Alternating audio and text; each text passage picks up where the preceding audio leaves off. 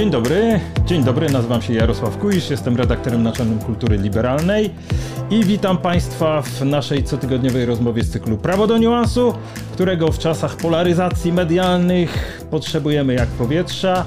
Nad powodzeniem naszego spotkania y, czuwa redaktor Jakub Bodziony, ale proszę Państwa, bez Państwa nic by się nam nie udało, więc dziękuję Państwu za, za wsparcie i przechodzimy już y, do tematu, który, proszę Państwa, rozpala umysły daleko bardziej niż y, w środowiskach, które zawodowo zajmują się prawem i praworządnością w Polsce.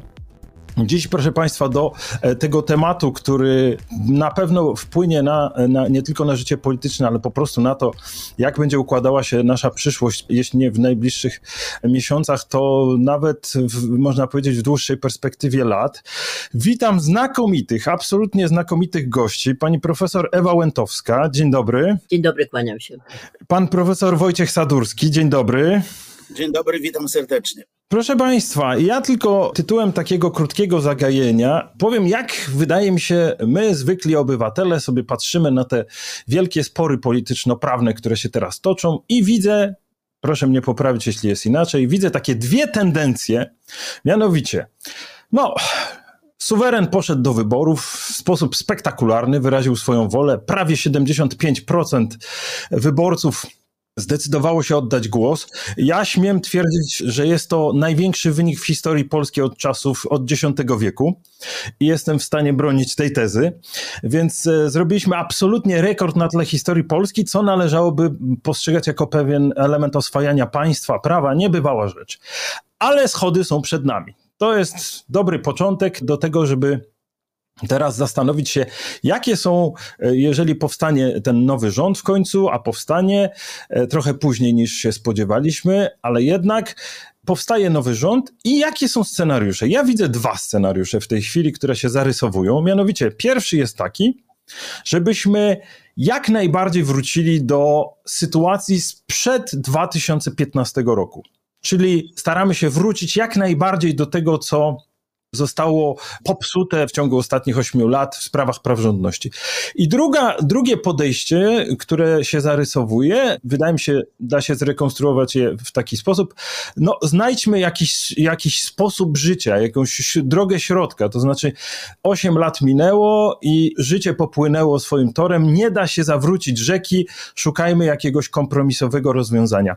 Proszę mnie poprawić, jeśli się mylę. Pierwszy głos oddaje pani profesor Ewie Fałszywa alternatywa pan kreśli. Dlatego, że. Proszę mnie poprawić. Nie da się powrócić do punktu wyjścia, bo czas płynie. Ale jeżeli nawet się nie da powrócić do punktu wyjścia, o czym pewnie będziemy dalej mówili, z dlaczego i w jakim zakresie, to wcale nie oznacza, jakby tu powiedzieć, tego, co pan tutaj znów kreśli, modus vivendi, kompromis i tak dalej, i tak dalej. Czas leci, Trzeba, owszem, wrócić na właściwy tor. Ten tor się nazywa rządy prawa, państwo prawa, bo to zresztą nas trzyma w większych strukturach europejskich, ale to wcale nie znaczy, że można po prostu powiedzieć stop, zawrócić ta sama droga. Inna, kręta, trudniejsza i bynajmniej nie zamykająca się w, znowu użyję tej metafory, grubą kreską. Tym razem rzeczywiście trzeba coś zrobić, żeby było widać, że ten powrót nie jest właśnie powrotem do punktu wyjścia z wielu względów. A co mogłoby być takim symbolem? Od razu dopytam. Symbolem? No, mamy w tej chwili chociażby obecnie rządzący, ustępująca władza, chyba już wybrała drogę konfrontacyjną. Dlatego, że jeżeli naszym pilnym zadaniem w tej chwili. Jest uporządkowanie spraw na tyle z Unią Europejską, abyśmy w końcu mieli gospodarczo no, jakoś uporządkowane sprawy funduszy KPO, no to nie może być tak, że jednocześnie dalej kontynuuje się postępowania wyjaśniająco-dyscyplinarne wobec sędziów odwołujących się do prawa europejskiego. A to trwa i to nie są pojedyncze wypadki i to manifestuje wolę niechęci współpracy. Ja zresztą słuchałam wystąpienia prezydenta Dudy, który mówi o tej konieczności współpracy i współdziałania, no ale cóż z tego, kiedy głos myślą kłamie, chyba dlatego, że akurat czyny o tym nie świadczą. Więc w związku z tym obawiam się, że czeka nas niestety model konfrontacyjny. Mówię o tym z ubolewaniem, dlatego że to jest marnotrawstwo energii, użerania się, ale jeszcze może jedno powiem, tylko przepraszam, to już jest ostatnia, ostatnia rzecz. Dobrze. Sprawa powrotu na ścieżkę cnoty, nazwijmy to w ten sposób, bo nie na ścieżkę tą, która była poprzednio, oznacza jedno, że pod tym hasłem teraz ci, którzy ustępują politycznie, będą starali się wbijać klin, szczuć, opowiadać, że z kolei oni są dyskryminowani, czyli krótko mówiąc, hasła państwa prawa, praworządności będą teraz znów wykorzystywane instrumentalnie. Ja to widzę i to na pewno tak będzie. Przerywam w tej chwili. Dziękuję. Panie profesorze, jak wrócić na ścieżkę cnoty? No piękniejszego pytania nie można zadać chyba. Ja bym jednak wrócił do oryginalnej alternatywy, którą nasz prowadzący zarysował i przyjąłbym, że jest ona całkowicie realna.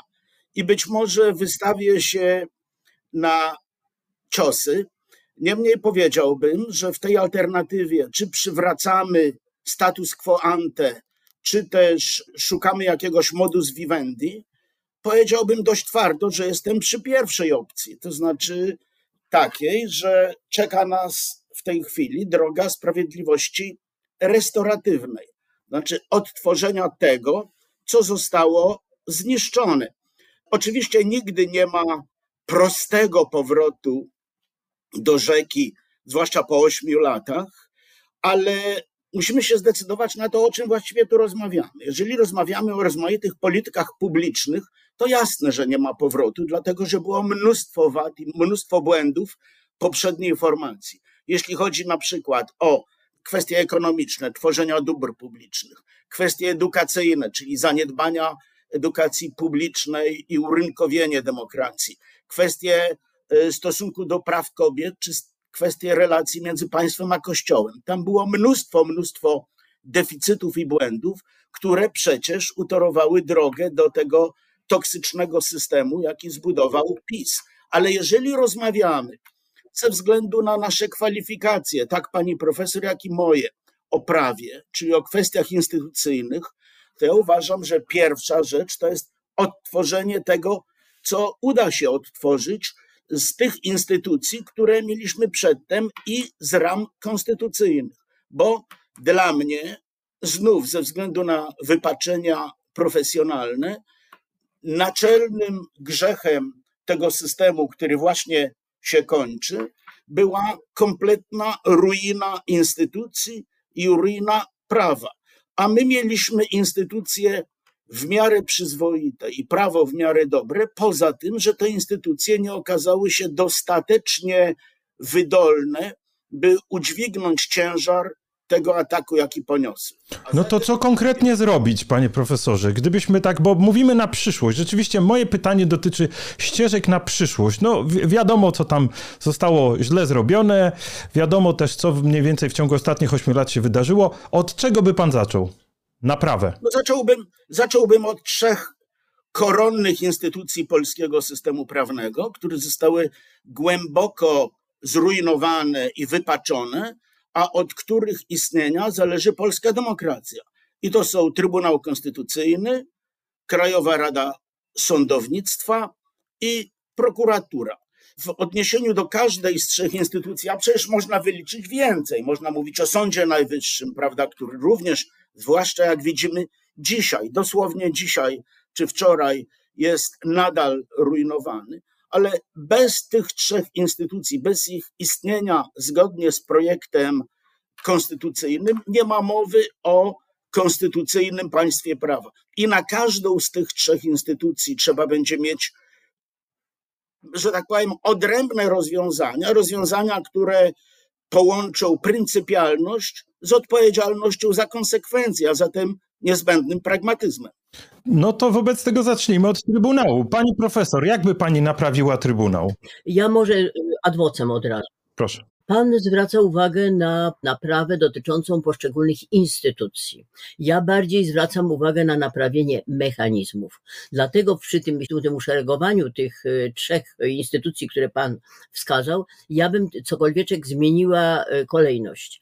Krajowa Rada Sądownictwa tak, prokuratura tak, Trybunał nie da się naprawić e, bardzo gładko. No, ja znam pańską teorię oczywiście, ale tę teorię z tą teorią to ja się nie zgadzam. To może przypomnijmy, panie profesorze, co pan zaleca do Trybunału? Ale jeszcze jedna tylko uwaga.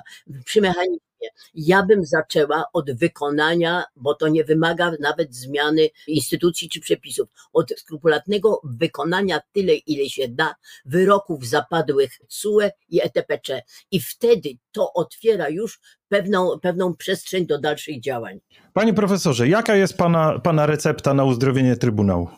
No moja recepta wynika z, że tak powiem, dwóch punktów wyjścia. Pierwszy punkt wyjścia jest fundamentalny i pryncypialny, a mianowicie uznanie, że Trybunał działający co najmniej od roku 2017, to znaczy od pierwszego dopuszczenia sędziów dublerów, przestał być w całości Trybunałem w rozumieniu konstytucyjnym, a zatem, że przez ostatnie lata, ostatnich mniej więcej 7 lat, działał w sposób niekonstytucyjny. A jeśli tak, to trzeba wyciągnąć z tego wnioski i obecny Trybunał całkowicie usunąć z obiegu prawnego i powołać nowy zgodny z konstytucją. To jest, że tak powiem, ta część pryncypialna, legalistyczna. I tutaj uważam, ja jestem absolutnym legalistą i formalistą, jeśli to jest tak jak NeoKRS, jeśli to jest organ niekonstytucyjny, to po prostu trzeba przyjąć, że go nie ma i że musi być powołany na nowo. Ale druga, drugi filar mojego myślenia to jest filar o konsekwencjach czyli coś, co Max Weber nazwał etyką odpowiedzialności. Otóż konsekwencje są takie, że bardzo proste zapoznanie się z aktualnymi kadencjami tak zwanych sędziów Trybunału Konstytucyjnych wskazują, że nawet jeżeli na dzień dobry, czego wszyscy się zgadzają, trzech dublerów powinno być usuniętych, a na ich miejsce wprowadzonych trzech prawidłowo wybranych sędziów, to i tak do roku mniej więcej pierwszej połowy 2026 sędziowie pisowscy, nominaci pisowscy, zachowają w tym trybunale większość. Chyba, że przejdą w sposób cudowny na dobrą stronę mocy, albo w sposób dość dziwaczny, na co nie można przecież liczyć, ale co może pani profesor również powiedzieć, zostaną usunięci poszczególni przez składy dyscyplinarne, to oni będą wetowali każdą ustawę jedną po drugiej, mającą naprawić polski stan prawny. Każdą będą wetowali, bo będą dostawali wnioski od choćby opozycji pisowskiej, która będzie miała do tego absolutnie żelazne, wilcze prawo. A zatem będziemy mieli do czynienia z tym, że ten tak zwany Trybunał Konstytucyjny będzie mógł unieważniać wszelkie reformy. Jeżeli tego wymaga polska konstytucja, to ja za taką konstytucję bardzo dziękuję. Ale jeżeli można. Pan profesor, polemicznie, tak? Proszę. W porządku, tylko problem polega na tym, że ten pomysł jest nierealny. Dlatego, że jak pan profesor wyobraża sobie teraz potraktowanie per non est Trybunału i wybranie nowego Trybunału, to oznacza wojnę z prezydentem, to oznacza, przepraszam bardzo, anarchizację y, i tak już zanarchizowanego całego systemu. Więc mnie się wydaje, że ta propozycja, ona jest bardzo dobra, tylko że jakby tu powiedzieć mało realna. To samo zresztą jest mało realistyczne, wydaje mi się w tej chwili, poszukiwanie drogi poprzez postępowania dyscyplinarne, ale znowu z innej przyczyny. W związku z tym ja dlatego mówię, dlatego najpierw mechanizmy, te mechanizmy, które można uruchomić bez działań legislacyjnych, ich jest całkiem sporo, ale niestety nie dotyczą one Trybunału Konstytucyjnego. Więc dlatego też odłożyłam go w drugą stronę. Natomiast jest cokolwiek inaczej przy KRS-ie. Wykonanie przede wszystkim poprzez wykonywanie wyroków CUE i ETPC. Dlatego, że te wyroki są adresowane do wszystkich, je trzeba wykonać. Kondemnacja KRS-u tam już nastąpiła, a tu dopiero przy Trybunale Konstytucyjnym to jest dopiero konstrukt intelektualny, który pan proponuje. No więc ten konstrukt intelektualny no można wykorzystać albo nie, ale, ale to jest jego słabość. Pani profesor, to jakby pani miała wyjaśnić osobom, które po prostu patrzą na to i, i, nie mają dostatecznej wiedzy co do arkanów, jakby pani najprościej uzdrowiła sytuację z Trybunałem? nie uzdrowię jej kompletnie. Uzdrowić można tylko jedno w tej chwili na pewno. Trzy osoby, które były wybrane nieprawidłowo na swoje miejsca, te rzeczywiście miejsca są wadliwie obsadzone i tu można przez działanie parlamentu można coś działać. Oczywiście wybór trzech osób na to, na wprowadzenie trzech innych osób na to miejsce, to jest stawianie tych nieszczęsnych trzech osób w pozycji kamikadze i jednocześnie z pełną świadomością, że to niewiele uzdrawia Trybunał Konstytucyjny. Więc dlatego też ja nie stawiam tego akurat na pierwszym miejscu, chociaż oczywiście się zgadzam, że byłoby bardzo dobrze, gdyby można było coś takiego skutecznie zaproponować. I dlatego ja się koncentruję na bardziej drobniejszych, może bardziej praktycznych elementach powrotu na ścieżkę praworządnościową, na tyle, na ile to się da. I może znowu dodam jedno. My trochę mamy problem, jak rozmawiamy tak akademicko o tych rzeczach. Dlaczego?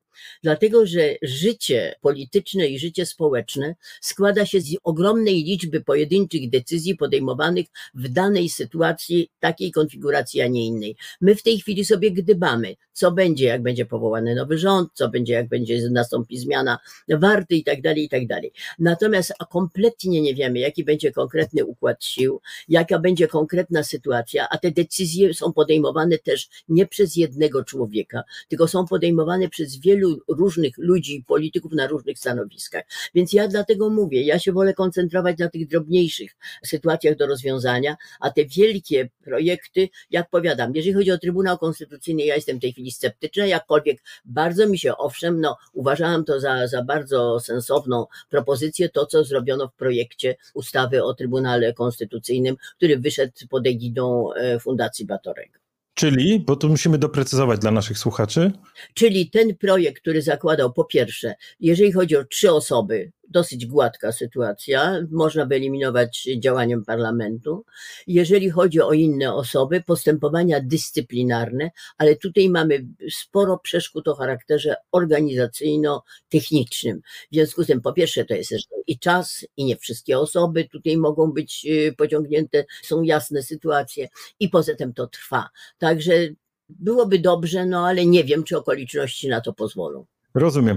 Ja tylko może dla naszych słuchaczy też doprecyzuję, że jeśli dobrze e, zrozumiałem, panie profesorze, to za Trybunał trzeba się zabrać w pierwszej kolejności, ponieważ jest to instytucja, która realnie może torpedować e, politykę nowego rządu, więc nie jest to tylko zagadnienie prawne, ale po prostu wszelkie próby reform, e, wszelkie próby reform wprowadzone ścieżką ustawodawczą mogą zostać łatwo storpedowane, no bo w końcu wystarczy 50 posłów, żeby PiSu, żeby powędrować do Trybunału, a ten może takie torpedy mm, jak z łodzi podwodnej wypuszczać i w zasadzie zatapiać wszystkie poważniejsze projekty reform. Czy dobrze zrozumiałem? No, prawie, dlatego że ja tutaj nie dokonuję żadnej sekwencji ani priorytetu. Reformy się dzieją nie tylko poprzez ustawodawstwo. Wszystkie trzy instytucje, o których powiedziałem, są równie ważne. I tu nie ma tak, że jedna z nich musi być naprawiona na początek. To tak jakby przyjrzeć się zepsutemu samochodowi i spytać się, czy najpierw naprawiamy silnik, czy hamulce. I bez jednego, i bez drugiego nie będzie działał. Otóż bez Trybunału Konstytucyjnego naprawionego obecni uzurpatorzy z Alei Szucha będą obalać ustawę po ustawie. Bez prokuratury w miarę niezależnie od Ministerstwa Sprawiedliwości nie będzie żadnych postępowań egzekwujących odpowiedzialność winnych e, bezprawia i bez nowej KRS będziemy mieli nadal powoływanie neosędziów, czyli pseudosędziów przez prezydenta. Te trzy rzeczy są równie ważne. Natomiast wracając do Trybunału Konstytucyjnego, chciałbym powiedzieć, że z największym szacunkiem, ale nie zgadzam się z panią profesor. Otóż nie można przyjąć e, pozycji, jest ten słoń w pokoju, ale my go nie widzimy, bo nie wiemy, co z tym zrobić. No jeżeli czegoś z tym nie zrobimy, to mamy coś w rodzaju takiej wystudiowanej, konstytucyjnej bezradności. I ja się nie mogę z tym absolutnie pogodzić. Moim zdaniem projekt Fundacji Batorego, do której nawiązała pani profesor, jest słuszny, ale tylko w trzech piętnastych. To znaczy rzeczywiście trzech spośród tych piętnastu osób należy wycofać, co do tego nie mamy najmniejszej wątpliwości ale pozostaje znów ta dwunastka, z których część będzie większością pisowską do roku 2026. i nie możemy udawać, skoro nie wiemy, co z nimi zrobić, to w ogóle o tym nie myślę. Otóż Fundacja Batorego, przypomnę, mówi, tak jak zresztą nawiązała do tego pani profesor, ale z większym sceptycyzmem, że będą mogły się za nie zabrać składy dyscyplinarne. Ale właściwie za co? Czy za brewerię pani Krystyny Pawłowicz? Czy za te głupstwa, które wypowiadają panowie Piotrowicz i tak dalej? Przepraszam bardzo, nie są to chyba delikty dyscyplinarne. Chyba, że kwestie poszanowania godności, dobrego imienia Trybunału i tak dalej rozciągniemy bardzo szeroko. Poza tym w tych składach dyscyplinarnych będą musieli, aby zapewnić niezależność, tak jak proponuje Fundacja Batorego, wprowadzić ustawowo sędziów w stanie spoczynku, czyli takich jak właśnie pani profesor, jak pan profesor Wyżykowski i inni. Czy my rzeczywiście możemy im narzucić, nałożyć, i to jest moje pytanie do pani profesor, nałożyć taką odpowiedzialność, bo oni usuwali jednego po drugim tych rozmaitych dziwaków i nierobów z Trybunału Konstytucyjnego, a poza tym byłoby to chyba właśnie pewnym ominięciem konstytucyjnego zwyczaju, który powoduje, że w składach dyscyplinarnych Trybunału zasiadają aktywni sędziowie, a nie sędziowie w stanie spoczynku. A zatem wydaje mi się, że ta metoda na, na pozostałych, na pozostałą dwunastkę zaproponowaną przez Fundację Batorego jest właśnie czymś w rodzaju takiej sztuczki prawnej, niewłaściwej w wykonaniu poważnych prawników. Ja bym jednak przyjął zasadę, że cały Trybunał musi być w cudzysłowie wyzerowany. Pani profesor, prosimy o polemikę wobec tego tak w polemice troszkę pan profesor troszkę tak za daleko. Dlatego, że tak, ja po pierwsze w ogóle powiadam, że jestem sceptyczna co do możliwości e, prawidłowego, jakby to powiedzieć, odrodzenia Trybunału jako instytucji. To jest jedno. Drugie, jeżeli chodzi akurat o personalia. Dlatego jest mi trochę niezręcznie, bo rzeczywiście w projekcie Fundacji Batorego jest przewidziana rola dla sędziów w stanie spoczynku. Czy ta rola jest akurat dobra i właściwa? No, ponieważ to i tak by wymagało działania ustawowego, co do których y, skuteczności pan jest i słusznie wątpiący, no to ja nie wiem, czy akurat można tutaj mówić o sztuczce prawnej, zwłaszcza, że sędziowie w stanie spoczynku są jednak, co prawda nie w służbie czynnej, ale są w służbie. Ja dlatego zresztą jestem bardzo wstrzemięźliwa, jeżeli chodzi o wypowiadanie się na ten temat, dlatego że jest mi niezręcznie. Ale zręcznie mi jest o tyle, że jak powiadam, ja w ogóle wydaje mi się, że w obecnym stanie rzeczy to to jest w ogóle czysta, jakby to powiedzieć, to straciło na realności akurat to rozwiązanie. Natomiast trochę tak jakby powiedzieć, trochę się dziwię, że pan podnosi akurat argument tego rodzaju, że tu jest sztuczka prawna, a nie jest sztuczka prawna w, w sytuacji, w której pan proponuje, żeby po prostu przejść do porządku dziennego nad istnieniem tworu, który, za którym jest jednak domniemanie, no, że został powołany. Kto to miałby stwierdzić? Parlament? W opozycji do prezydenta, ale ja bym w ogóle proponowała. Mnie się wydaje, że w ogóle koncentrowanie się na problemie Trybunału Konstytucyjnego nieuchronnie nas prowadzi do wniosku, jakoby problemem głównym przy wracaniu na drogę cnoty były problemy legislacyjne, a moim zdaniem tak nie jest. Moim zdaniem jest przede wszystkim to ważne, żeby zmieniła się jednocześnie praktyka, dlatego że to owszem, to akademicy tak myślą i niestety to tak przecieka do publiczności, że jeżeli mamy coś zrobić, to zróbmy ustawę. Nie, musimy zmienić praktykę i zmienić standard. I akurat na tych elementach reformy ja bym się skupiła. I dlatego też wydaje mi się, że również jeżeli chodzi o KRS, bo się tu zgadzam, że jej działanie jest bardzo wadliwe w tej chwili. A druga sprawa, prokuratura. Tu jest stosunkowo łatwiejszy problem chyba do przeskoczenia, jakkolwiek zabetonował w tej chwili ostatnimi czasy, bo chyba od pół roku ustępujący formacja zabetonowała e, sytuację, przenosząc część kompetencji, robiąc manewr kompetencyjny i lokując prokuratora w tej chwili, jakby powiedzieć, w gestii w pewnym sensie prezydenta. W związku z tym znowu będzie prawdopodobnie tutaj problem, ale można próbować coś robić, a praktykę można zmieniać i ta praktyka się zmienia, bo jeżeli w tej chwili uwaga, Nagle nastąpiło wzmożenie na poziomie policyjnym, że policja, która nie prowadziła różnego rodzaju postępowań we wrażliwych postępowaniach karnych, demonstracje, tam tłumienie no, protestów kobiet i tak dalej, i tak dalej, jakieś ekscesy wobec posłów. Jeżeli policja w tej chwili się ruszyła i zaczyna to prowadzić, chociaż tyle miesięcy nie prowadziła, to znaczy, że jakiś wiatr historii wieje i coś się dzieje. Czyli praktykę można zmienić bez zmiany ustaw. To ja mam, panie profesorze, jeszcze jeśli mogę wejść w słowo, jest jeszcze jedna taka kwestia z tym związana, która bardzo interesuje słuchaczy, czytelników, którzy nie są prawnikami. Mianowicie jest to pytanie, czy ktoś w ogóle personalnie powinien, może ponieść odpowiedzialność. Tutaj profesor Marcin Matczak mówił o tym, że Andrzej Duda powinien stanąć przed Trybunałem Stanu.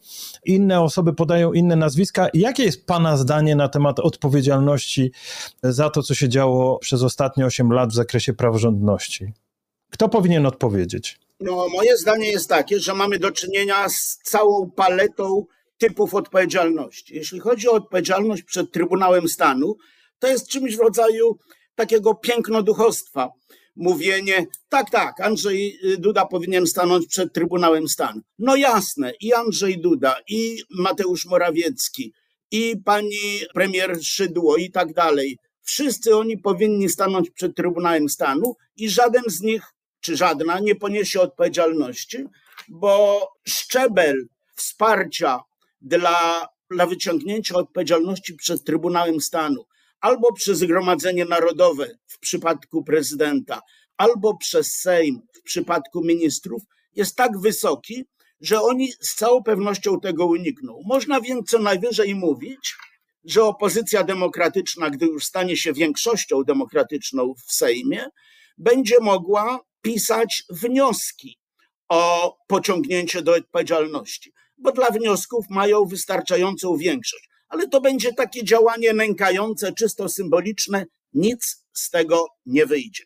Natomiast z całą pewnością, gdy już będzie prokuratura całkowicie niezależna i gdy miną immunitety najpierw obecnego premiera i byłych ministrów, a potem prezydenta, będzie kwestia normalnej odpowiedzialności karnej. Przynajmniej za trzy typy przestępstw kwalifikowanych w kodeksie karnym, a mianowicie przestępstwo urzędnicze, przypomnę, polegające albo na niedopełnieniu obowiązków, albo na przekroczeniu kompetencji.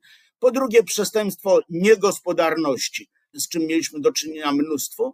I po trzecie, przestępstwa mowy nienawiści, które to przestępstwo niewątpliwie będzie mogło być wytoczone przeciwko osobom pełniącym kierownicze funkcje w mediach rządowych. Ja, jeżeli można do tej dyskusji. Tak, tak, proszę. Czy ktoś powinien odpowiadać za, za to, co się działo w zakresie praworządności, łamania praw, za łamanie praworządności? Przypomnę przykład historyczny. W swoim czasie w Stanach Zjednoczonych Al Capone odpowiadał nie za to, co zrobił, tylko za różnego rodzaju przekręty księgowe. Problemem przy odpowiedzialności tego typu jest przede wszystkim przypisywalność i dowody. Ja się zgadzam z profesorem Sadowskim, że jest wątpliwe, czy nasze kanały i organy przygotowujące tego rodzaju wnioski są zdolne przygotować je w tak przyzwoity dowodowo sposób, żeby do czegoś doszło. Poza tym zwracam uwagę, że nasza regulacja dotycząca Trybunału Stanu jest wadliwa. Ona ma grzech bardzo często spotykany w Polsce. Mianowicie ona łatwo obiecuje, dlatego że łatwo jest sporządzić wniosek i znaleźć większość dla wniosku, natomiast niesłychanie utrudnia doprowadzenie wniosku do jakiegoś końca. I to jest prawo hipokryzyjne, to jest grzech. To było tak samo w swoim czasie przy regulacji spraw związanych na przykład, żeby zrobić legalny strajk. Można było robić strajki z różnych przyczyn, tylko nie można było ścieżki dojścia, nie było. I takich wypadków my mamy mnóstwo w naszym prawie i to jest jeden z wielkich grzechów legislacji. Ale wracając do wątku.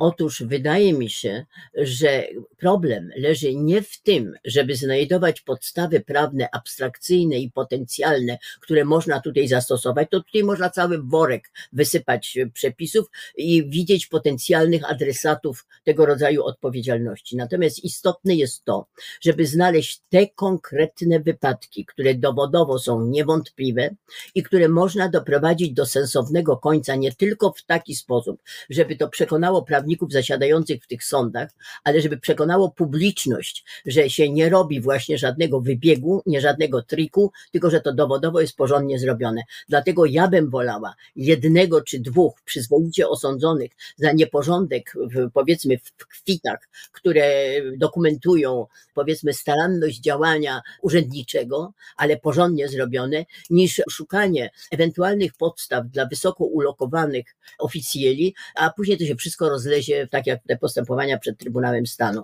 Dlatego, że jest bardziej istotne, żeby doszło do jakiejś właśnie odpowiedzialności, konkretnie, sytuacyjnie i efektywnie, a nie potencjalnie i abstrakcyjnie. I dlatego za tym się opowiadam. Pani profesor, to tylko dopytam, bo pani wspomniała o konkretnych przypadkach. To ma pani jeden, dwa przykłady na, na myśli takie i potem pan profesor. Proszę zwrócić uwagę, ja celowo nie mówię o personaliach ale nie dlatego, że żebym się, tylko po prostu to moim zdaniem w takiej dyskusji to jest niewłaściwe.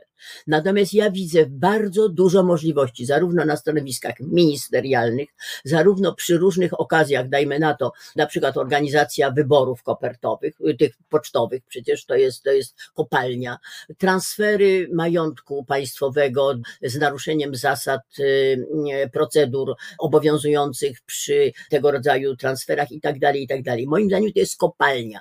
Tyle tylko, że to wymaga niezwykle starannej pracy przygotowawczej, gdy idzie o sformułowanie zarzutu. Natomiast jeżeli miałoby się powszechnie po prostu szermować tylko pięknymi słowami i lecieć z, z długą, długą listą ewentualnych zarzutów do Trybunału Stanu, to ja jestem głęboko temu przeciwna, bo to deprecjonuje jakikolwiek sens odpowiedzialności, takie puste wymachiwanie szabelką. Panie profesorze, jakby pan tutaj zalecał procedować w konkretnych przypadkach? No, stuprocentowa zgoda z prawie wszystkim, co powiedziała pani profesor, a zatem w sumie nie stuprocentowa, dlatego że jednak nie zgadzam się z tą klauzulą jedna lub dwie osoby. Moim zdaniem. Na początek. No tak, ale, ale potem będzie. Ale potem będzie przedawnienie i tak dalej. Zgoda co do Trybunału Stanu. Jest to niestety konstytucyjna regulacja i z tym nic nie zrobimy. Natomiast jeżeli y, nasz prowadzący pyta o jakieś przykłady, bardzo proszę i nie trzeba sięgać aż po premiera i panią premier, którzy nie publikowali orzeczeń Trybunału, czy prezydenta, który nie powołał prawidłowo wybranych sędziów. Trzy drobne przykłady. Pierwsze, dopiero co przeczytałem, że zarząd Centralnego Portu Komunikacyjnego pobrał w ciągu jednego tylko roku ponad 2 miliony, 2,1 miliona na wynagrodzenia dla trzech członków zarządu. Pierwsza rzecz, gigantomachia jakaś, jakieś Bizancjum w zarządzaniu łąką. 2 miliony dla trzech osób. Drugi przykład, Fundusz Sprawiedliwości, czyli coś, co miało być przeznaczone na ofiary przestępstw, który jest przeznaczany na potężne, rozmaite wkładki reklamowe do pisma pod nazwą Do Rzeczy. Pyta prowadzący o osoby odpowiedzialne.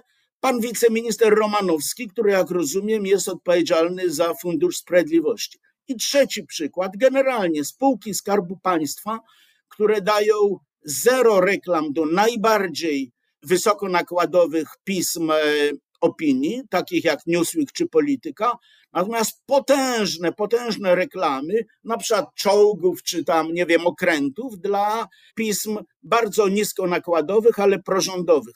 To są tego typu niegospodarności szokujące, które nie są po prostu niegospodarnością, ale ordynarną, wulgarną, systemową korupcją. I tego będzie bardzo dużo. Tu nie można mówić o dwóch, trzech ważnych przypadkach, tu będą dziesiątki, jeśli nie setki. I jedynym ograniczeniem będą ograniczenia zasobów, to znaczy zasobów finansowych i zasobów ludzkich na postępowania. Ale uważam, że postępowania powinny pójść tak szeroką ławą, jak to tylko będzie możliwe. Pani profesor Adwocem, proszę. W gruncie rzeczy to ja nie wiem, właściwie to chyba to pan się trochę nawrócił. Pan profesor Sadurski nawrócił się na moją wiarę, dlatego że ja właśnie mówiłam o tych szeroką ławą wydobytych wypadkach, niegospodarności, możliwości do, dokładnego, y, dowodowego zrobienia. Natomiast dlaczego ja mówię z tą, z ostrożnie z tą szeroką ławą? Pan mówi, przerobowość, krótko mówiąc.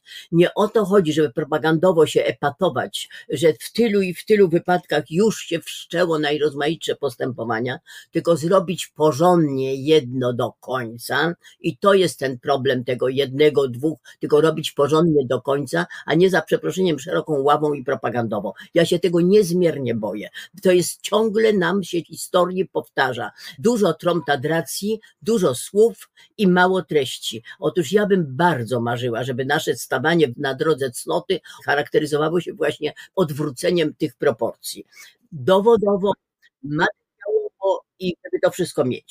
Ja tylko dodam, że jest bardzo duże oczekiwanie wśród y, tych, którzy jednak poszli do wyborów. Ta frekwencja, podkreślam raz jeszcze, była rekordowa.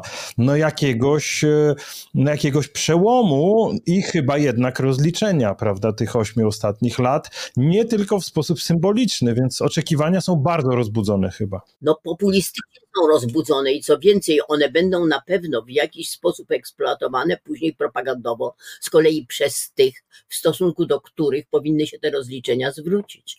I ja znowu powiem, no przecież to jest, ja cytowałam gdzieś nawet Petera Weissa, Marat Sad y, ze sztuki, Maracie, my nasze szczęście chcemy mieć zaraz natychmiast. Przecież ja już czytałem rozliczenia nieistniejącego rządu obecnej e, zwycięskiej ugrupowania już w tej chwili, zanim on się w ogóle uformował. I to będzie kolejna ogromna przeszkoda. Dlatego ja wolę chłodzić oczekiwania, żeby były zrealizowane, niż je rozbudzać. Dlatego, że to do niczego nie doprowadzi. Panie profesorze, proszę bardzo. No więc tak, jeśli chodzi o Petera Weissa i Marata Sada, tam jest również hasło bo rewolucja nie ma racji bez powszechnej kopulacji, więc może sobie na razie na razie ten aspekt zostawmy na boku. Przepraszam, ale niech pan nie stosuje chwytów nieładnych polemicznie, bo ja też mogę wyciągnąć Marata Sada kilka cytatów i panu wrzucić i będzie brzydko. To zostawmy Petera Weissa i klasykę z boku. Pani profesor, ja chciałem się pochwalić swoją erudycją, tylko to. Naprawdę nie chciałem tego przeciwko pani. Ale szkoda, że moim kosztem. Nie, absolutnie nie pani profesor kosztem. Jeśli tak pani profesor to przyjęła, to najmocniejsze przeprosiny. Ale chciałbym powiedzieć tak, już na poważnie. Przejdźmy do, do, do rozliczeń kwestii, bo, bo ludzie będą mieli wrażenie, że się wszystko rozmywa i tak jak to zawsze w Polsce. Otóż ja bym, odpowiadając na to, co powiedziała pani profesor, ja bym powiedział, że żebyśmy nie apatowali tutaj pojęciem populizmu. Otóż fakt, że są oczekiwania społeczne, że te wszystkie przekręty, te wszystkie przewiny, ta bezczelna korupcja i bezkarność, które bezradnie społeczeństwo, a w każdym razie duża część społeczeństwa obserwowała przez 8 lat, że to wszystko jest kwestią populizmu i że my, prawnicy, w ogóle powinniśmy to ignorować, jest czymś, z czym się głęboko nie zgadzam. Nie jestem absolutnie zwolennikiem rewolucyjnego rozumienia poczucia sprawiedliwości. Natomiast uważam, że poczucie sprawiedliwości jest czymś, co musimy brać pod uwagę i że te oczekiwania, że winni oczywistych przestępstw w największej mierze i największa ich liczba zostaną pociągnięci do odpowiedzialności, jest czymś, co musimy szanować i brać pod uwagę, a nie zbywać słowem populizm. Ja nie zbywam słowem populizm, ja tylko mówię, żeby nie rozbudzać nadmiernych oczekiwań i żeby to, co się proponuje, żeby przepuszczać przez trzeźwy osąd tego, co można zrobić porządnie i tylko do tego zmierzam. A natomiast wcale nie uważam, żeby akurat nawoływanie do tego, żeby zrobić porządnie sprawy karne, owszem, tym, którzy, przepraszam bardzo, lekkomyślnie sobie poczynali zmieniem wspólnym, no to, to jest zupełnie co innego, to nie jest żaden populizm, ale nie rozbudzać nadmiernych nadziei, natomiast doprowadzić do końca to, co się zaczęło. Czyli krótko mówiąc, przynajmniej częściowe, częściowe pociągnięcie do odpowiedzialności, może nie wszystkich, ale kilku albo kilkunastu osób. No ja rozumiem, ale prawdę mówiąc, to jest na dłuższą metę może być niesłychanie dla demokracji też szkodliwe, jeżeli byśmy mieli pozostać z takim e, poczuciem, że e, ludzie, których irytowało to, co pan profesor opisał, prawda, te, te, te bizantyjskie łamanie prawa e, w wielu obszarach, e, no żeby, żeby, zostało, żeby zostało to tak potraktowane z Polska, że jak wiadomo, że Trybunał Stanu to instytucja, która nigdy nie działa, że w zasadzie nikt nigdy za nic nie odpowiada od ponad, prawda, ani w trzeciej, ani w drugiej Rzeczpospolitej i tak dalej, i tak dalej, więc e, Wydaje mi się, że tu mamy jakiś taki duży dylemat. Proszę. Jeśli można o korektę, bo z tym e, ewentualną tak sformułowaną konkluzją głęboko się nie zgadzam. Żadnego dla przykładu i żadnego dwóch, trzech, ale porządnie. To dopiero tego typu selektywność, moim zdaniem, jest niezgodna z zasadami rządów prawa. Jak największą liczbę osób, wobec których są uzasadnione przypuszczenia, że złamali prawo. A jeżeli ze względu na ograniczenia tak zwane obiektywne, bo nie mamy tylu prokuratorów, tyle czasu i tyle pieniędzy, nie wszystkich uda się pociągnąć do odpowiedzialności, no to już trudno, to jest siła wyższa, ale należy iść jak najszerszą ławą i nie wybierać dwóch, trzech dla przykładu. Z tym się akurat nie zgadzam. Uświadomiona konieczność jest to, panie ale należy wziąć naj, najłatwiejsze po to, żeby przynajmniej coś zacząć. O to chodzi. Dlatego, że po prostu jestem świadoma ograniczeń. I się z tym godzę. A co do tego się na pewno zgodzimy. Proszę Państwa, Ewa Łętowska, Wojciech Sadurski, bardzo Państwu dziękuję, bardzo. E, mieliśmy kłopoty trochę z połączeniem zagranicznym, ale e, ja tym bardziej dziękuję e, profesorowi Sadurskiemu, że, że znalazł dla nas chwilę i, i zgodził się z nami połączyć z zagranicy. Ale z panią profesor to zawsze dla mnie jest zaszczyt. Dla mnie to jest i dla naszych słuchaczy to, to także jest przyjemność zwrócenia uwagi na jednak niuans i to wcale nie mały, tylko ogromny, że po prostu stajemy przed dużymi wyzwaniami i ścieżek jest więcej niż jedna. E, ścieżek jest więcej niż jedna i to e, my rozmawialiśmy tutaj w dużej mierze o zagadnieniach prawnych, ale jeżeli więcej jest ścieżek niż jedna, to wiemy, że to oznacza, że wyboru dokona się na płaszczyźnie politycznej, a to odsyła nas już do innej rozmowy. Jeszcze raz dziękuję pani Ewa, profesor Ewa Łętowska, pan profesor Wojciech Sadurski. Ja jeszcze podziękować chciałbym redaktorowi Jakubowi Bodzionemu, który czuwał nad sukcesem naszego spotkania. No i oczywiście państwu, proszę państwa. Bez wsparcia przez Patronite, dzięki państwa darowiznom cyklicznym w ogóle możemy powstawać i zajmować się niuansami w czasach, które niuansom nie sprzyjają. Zachęcam do subskrybowania naszego kanału na platformie YouTube.